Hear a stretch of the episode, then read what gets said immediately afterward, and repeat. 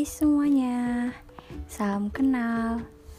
Kenalin, nama aku Wulan. Teman-temanku biasanya memanggilku dengan sebutan Ul atau Lan.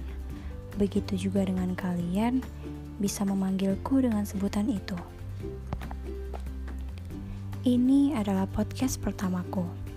Karena masih belajar, tolong dimaklumi ya kalau masih banyak kesalahan yang aku perbuat. Sebelumnya, aku mau tahu dulu nih, gimana puasa kalian tahun ini? Lancar kan? Lancar dong pastinya. Semoga COVID ini segera berakhir ya. Amin. Aku langsung mulai deh. Kali ini, hal yang ingin aku bahas yaitu tentang entrepreneur. Pasti kalian semua gak asing kan dengan kata itu? Apa kalian paham atau hanya sekedar pernah mendengar kata itu? Oke, okay. entrepreneur.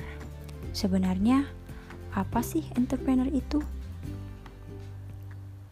Entrepreneur adalah kata yang mengarah kepada seseorang yang bisa membawa perubahan baru, inovasi baru, dan juga ide-ide baru.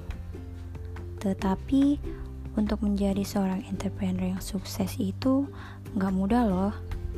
Setidaknya kamu harus punya 10 sifat yang wajib ada di dalam diri kamu.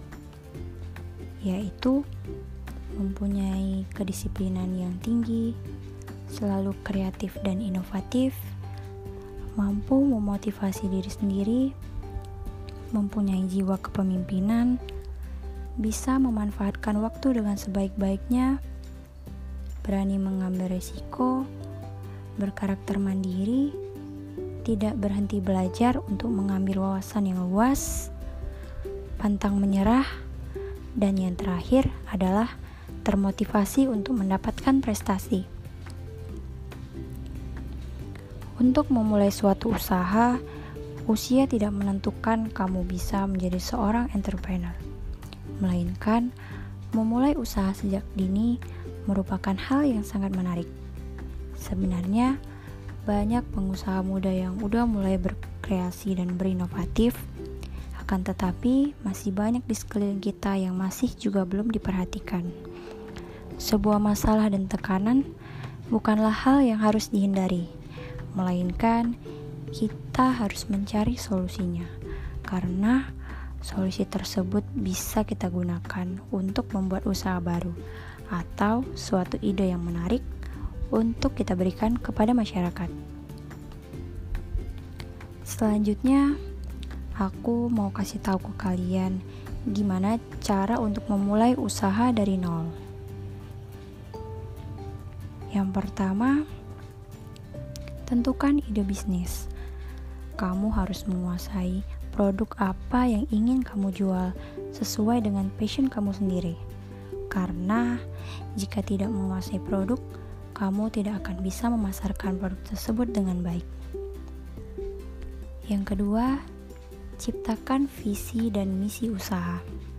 Sebuah usaha harus memiliki visi dan misi yang jelas, supaya tujuan dan langkah usaha kamu dapat terstruktur dengan baik agar mendorong pengembangan usaha yang lagi kamu bangun.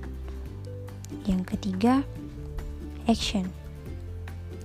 Sebaik apa pun ide usaha yang kamu punya, gak akan pernah menjadi usaha yang sukses kalau kamunya sendiri gak segera bertindak. Mulailah usaha yang udah kamu rencanain dengan penuh keyakinan dan juga ketekunan, karena ngejalanin sebuah usaha hingga mencapai kesuksesan membutuhkan perjuangan dan juga perjalanan yang cukup panjang Tentunya juga dengan kerja keras yang harus kamu lakukan. Yang keempat, selalu belajar dan lakukan pengamatan. Kamu bisa mengamati pengusaha yang telah sukses di bidang yang sama denganmu. Kalau usaha kamu tergolong baru, amati strategi manajemen yang mereka gunakan. Hal penting lainnya yang kamu harus perdalami yaitu pengetahuan mengenai semua hal yang berhubungan dengan bisnis yang kamu jalanin, supaya produk kamu bisa lebih inovatif dan gak ada tandingannya. Dan yang kelima atau yang terakhir adalah hadapi dan nikmati hambatan atau kegagalan. Membangun sebuah usaha hingga sukses tidaklah mudah. Adanya hambatan serta resiko kegagalan hampir selalu membayangi setiap usaha. Untuk itu, sebaiknya kamu harus selalu berpikiran positif terhadap hambatan serta kegagalan yang ada. Karena dalam setiap kesulitan akan selalu ada kemudahan. Tetapi kemudahan itu datang kalau kamunya mau bekerja keras. Tanpa kita sadari, dalam keadaan terdesak, kreativitas seorang itu akan meningkat dalam mencari solusi dari masalah yang mereka lalui. Oleh karena itu, hadapi serta nikmati hambatan usaha karena akan menguatkan mental usaha kamu dan menambah kemampuan kamu dalam membangun usaha. Berikut ini motivasi bisnis agar menjadi entrepreneur yang sukses dari diri aku sendiri. Dalam bisnis, pastinya kita akan mengalami kerugian terlebih dahulu, tetapi itu bukanlah hal yang harus dihindari.